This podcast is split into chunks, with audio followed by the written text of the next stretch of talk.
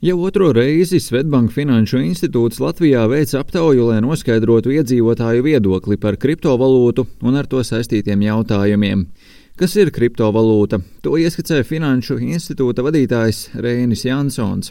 Vienkāršojot, tā ir digitāla nauda, klasiskās naudas alternatīva, bet nevis tās naudas, kas ir digitāli katram kontā bankā, bet ārpus banku sistēmas uh, esošā digitāla nauda. Un tā liela atšķirība ir tāda, ka šo naudu nekādā veidā neregulē nekādas centralizētas uh, institūcijas, kā centrālās bankas, ja, kuras emitē, nosaka ekonomikā, kāda naudas masa būs nepieciešama un tam līdzīgi, bet uh, šo varu par šo naudu nosaka pūlis. Sabiedrības zināšanas par šo ieguldījumu veidu joprojām lielākoties ir virspusējas.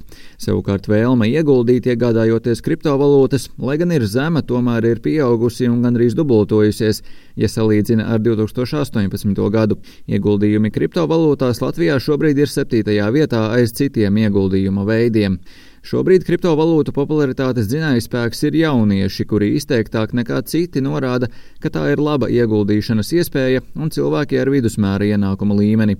Savukārt realitātē ieguldījumu veic vecāki cilvēki ar lielākiem ienākumiem. Ja, tā kā tā atšķirība ir, ka tas viedoklis par to, ka tas ir labs, pieder jauniešiem un ar zemākiem ienākumiem savukārt reāla rīcība atpaliek kopumā, bet jau ir cits cilvēks vai cits pircējs, kas šo pērk vai cilvēki uzskata, ka tā ir laba peļņas iespēja, ja šo cilvēku ir mazāk jā, nekā pirms trījiem gadiem.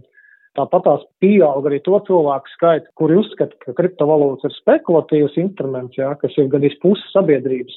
Un šis būtībā arī esot spekulatīvs instruments, atzīst Jansons, piebilstot, ka kriptovalūta ir spekulācija un iespēja, bet no tās ir jāuzmanās, jo to ir grūti prognozēt. Viņš arī piebilst, ka kādreiz cilvēkiem vairāk šķitis, ka kriptovalūta ir klasisks naudas aizstājējs, bet tagad šādu cilvēku skaits jau nedaudz samazinājies.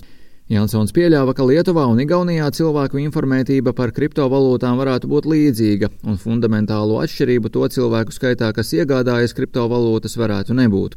Svetbank Finanšu institūta vadītājs uzsver, ka kriptovalūtu popularitāte aug, skatoties, ko dara citi cilvēki, kas arī padara šo valūtu neskaidru un sarežģītu ieguldījumu veikšanai. Tāpēc arī tām ir strauji kāpumi un kritumi. Jansons norāda uz pēdējo piemēru, kad ASV elektromobīļu ražošanas uzņēmums Tesla Motors pārtrauca pieņemt maksājumus kriptovalūtā Bitcoin vidas aizsardzības apsvērumu dēļ. Tas izraisīja strauju vērtības kritumu un bitkoina vērtībai nokrītot uz pusi līdz pat teju 30 tūkstošiem ASV dolāru. Ievērojamo kritumu izraisīja arī Ķīnas Tautas bankas paziņojums, kas aizliedza izmantot šo kriptovalūtu norēķinos. Šim paziņojumam bija būtiska nozīme tādēļ, ka Ķīnā tiek reģistrēti aptuveni 90% no visiem bitkoina norēķiniem pasaulē. Jāpiebilst, ka tieši neilgi pirms straujā krituma bitkoins pagājušajā mēnesī piedzīvoja rekorda augstu vērtību. Tagad bitkoina vērtība kāpusi, bet tā gan joprojām ir svārstīga un nepārsniedz 40 tūkstošus ASV dolāru. Bitkoina vājumam analītiķi kā vienu no iemesliem min investoru mēģinājumus tagad pievērsties mazāk spekulatīviem darījumiem. Tāpat bitkoins un ar to saistītie aktīvi tiek pastiprināti kontrolēti no regulatoru puses visā pasaulē, jo tie ir kļuvuši par lielāku finanšu tirgus daļu. Svetbank Finanšu institūta vadītājam lūdzu skaidrot, kāda varētu būt kriptovalūtu nākotne un vai pasaulē tā varētu kļūt populārāka. Jo vairāk sabiedrība būs izglītotāka par šīm valūtām, jo potenciāli mazākas svārstības varētu būt, tad mazāki tādi pūļa efekti uz kaut kādām ziņām, tad, tad ja viņas ir stabilākas, tad, tad potenciāli vairāk cilvēku varētu apsvērst šo valūtu iegādi.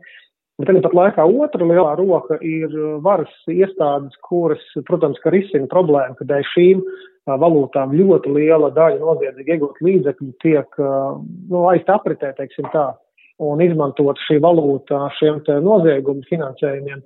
Un, protams, ka šeit mēs redzēsim ja, kaut kādas regulācijas un mēģinājumus kaut kādā veidā šo ierobežot. Un tas savukārt atkal grūti prognozējams, kādu efektu tas atstās, ja, teiksim, uz, uz šīm pašām valūtām un uz vēlmi cilvēkiem viņas iegādāties. Tāpēc es teiktu tā, ka laiks laikam rādīs, šobrīd tā grūti pat uh, prognozēt to popularitāti. Pēc Jansona domām šobrīd ir grūti prognozēt, kādu efektu šie divi faktori atstās uz kriptovalūtām un vēlmi cilvēkiem tās iegādāties. Rihards Plome, Latvijas radio.